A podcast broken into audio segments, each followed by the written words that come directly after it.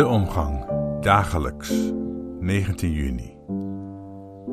Je hebt mensen die schijnen te denken dat alles al in kannen en kruiken is. Die hebben een geloof, jongen. Pff, ze hebben het gevonden hoor. Zijn, zijn vol van de Heilige Geest. Hebben een intiem contact met de Heer. En, en daar word ik altijd een beetje weeg van. Dat gunnen ze mij dan ook zo. Daarbij vergeleken ben ik maar een wijfelaar en een zoeker. Wat voor de een geldt als onomstotelijke waarheid, is voor de ander zinsbegoochelende onzin. Geloven is zeker weten en de antwoorden op alle vragen hebben, zegt de een. Geloven is juist niets meer zeker weten en voortdurend met vragen leven, zegt de ander. En nog allerlei variaties daartussenin lijkt me, waarbij het de ene dag wat anders aanvoelt dan de ander.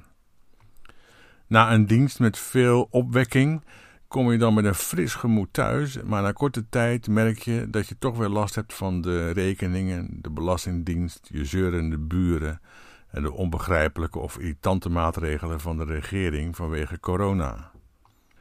Was het maar weer zondag, denk je dan al vanaf dinsdagmiddag of zo, dan kon ik weer een shot energy halen. In Matthäus, hoofdstuk 25, wordt een verhaal verteld van tien meisjes. Tien maagden die wachten op één bruidegom. Beetje vreemde setting, maar oké. Voor meet af aan is wel duidelijk dat dit een vreemd verhaal moet worden. Vijf komen er, zeg maar, en vijf missen de boot. Er worden er vijf wijs genoemd en vijf dwaas. Sommige preken over dit verhaal gaan in het rand van gemeente, u moet altijd waakzaam zijn. Maar dat is de goede uitleg niet, want op een gegeven moment slapen ze, alle tien. Dit soort gelijkenissen lijken mij ook niet bedoeld om te zeggen: let op mijn woorden, de helft valt af, dan weet je dat vast. De toon is veel meer: laat het nou niet zo zijn dat de helft afvalt. Ze komen daar voor een dichte deur, want er is nog helemaal geen bruidegom. Dat staat nog uit, dat, dat moet allemaal nog.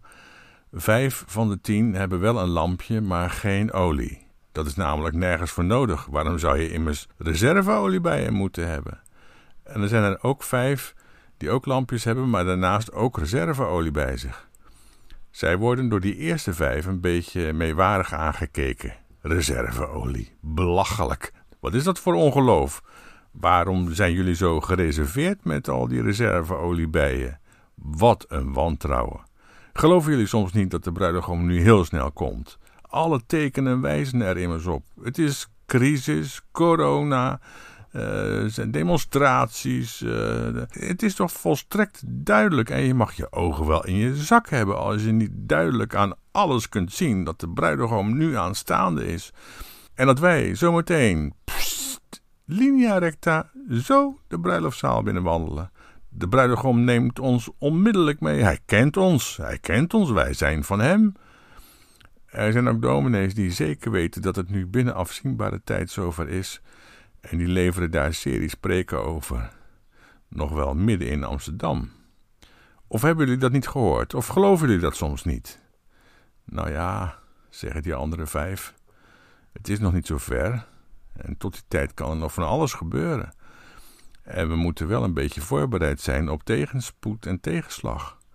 Wij zijn er niet zo zeker van dat alles nu in no time allemaal koekenij zal zijn. Dus we dachten, er wordt nog van alles van ons verwacht misschien. We weten het niet.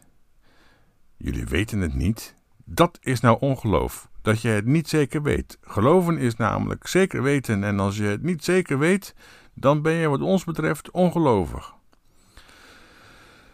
Maar ja, het duurt even en nog even. Het is allemaal niet zo zeker en vast blijkbaar. En ze vallen in slaap, alle tien. En midden in de nacht, midden in het duister van deze wereld, waar onzekerheid is en soms ook angst, klinkt een geroep: De bruidegom, zie, ga hem tegemoet.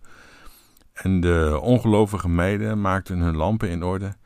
En de meiden die daar schande van spraken en die zeker wisten dat alles nu dik voor elkaar was en dat niets meer in de weg stond en dat ze zo zonder slag of stoot de bruiloftszaal binnen zouden glijden, merkten dat er van al die zekerheid en dat vervuld zijn van de Heer niet veel meer over was dan een walmend pitje. Geef ons voor jullie reserve, roepen ze. Nee, nee, dat gaat niet. Ons ongeloof en onze twijfel horen bij ons. Die zijn van ons en dat kunnen we niet delen.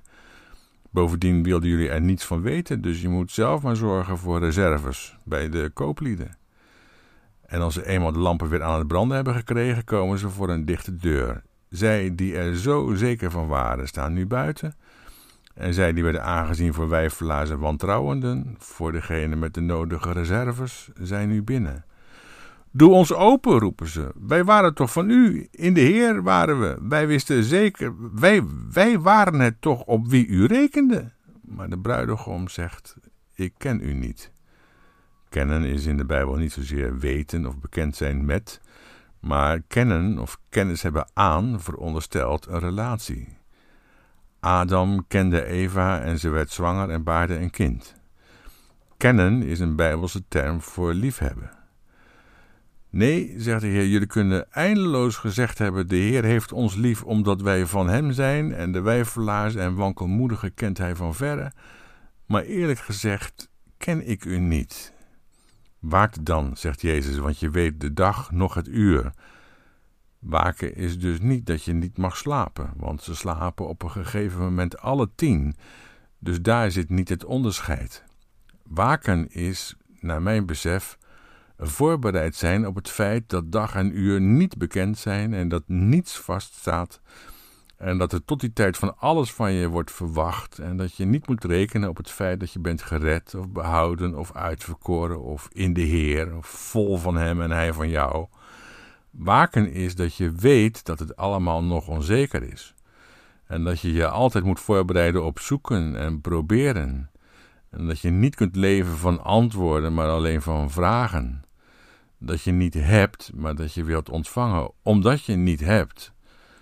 Dat geloven als een vorm van zeker weten menselijk is, maar dat twijfelen daarentegen van de Heer is. Daarom doet een kerk er niet goed aan om naar buiten toe het beeld te laten bestaan dat geloven neer zou komen op zeker zijn van je zaak. En dat er voor twijfel en onzekerheid, althans bij de Heer van de kerk, meer ruimte bestaat dan de kerk doorgaans waar wil hebben. Dit was het voor deze week. Goed weekend en tot volgende week maar weer. En hartelijk bedankt voor het luisteren.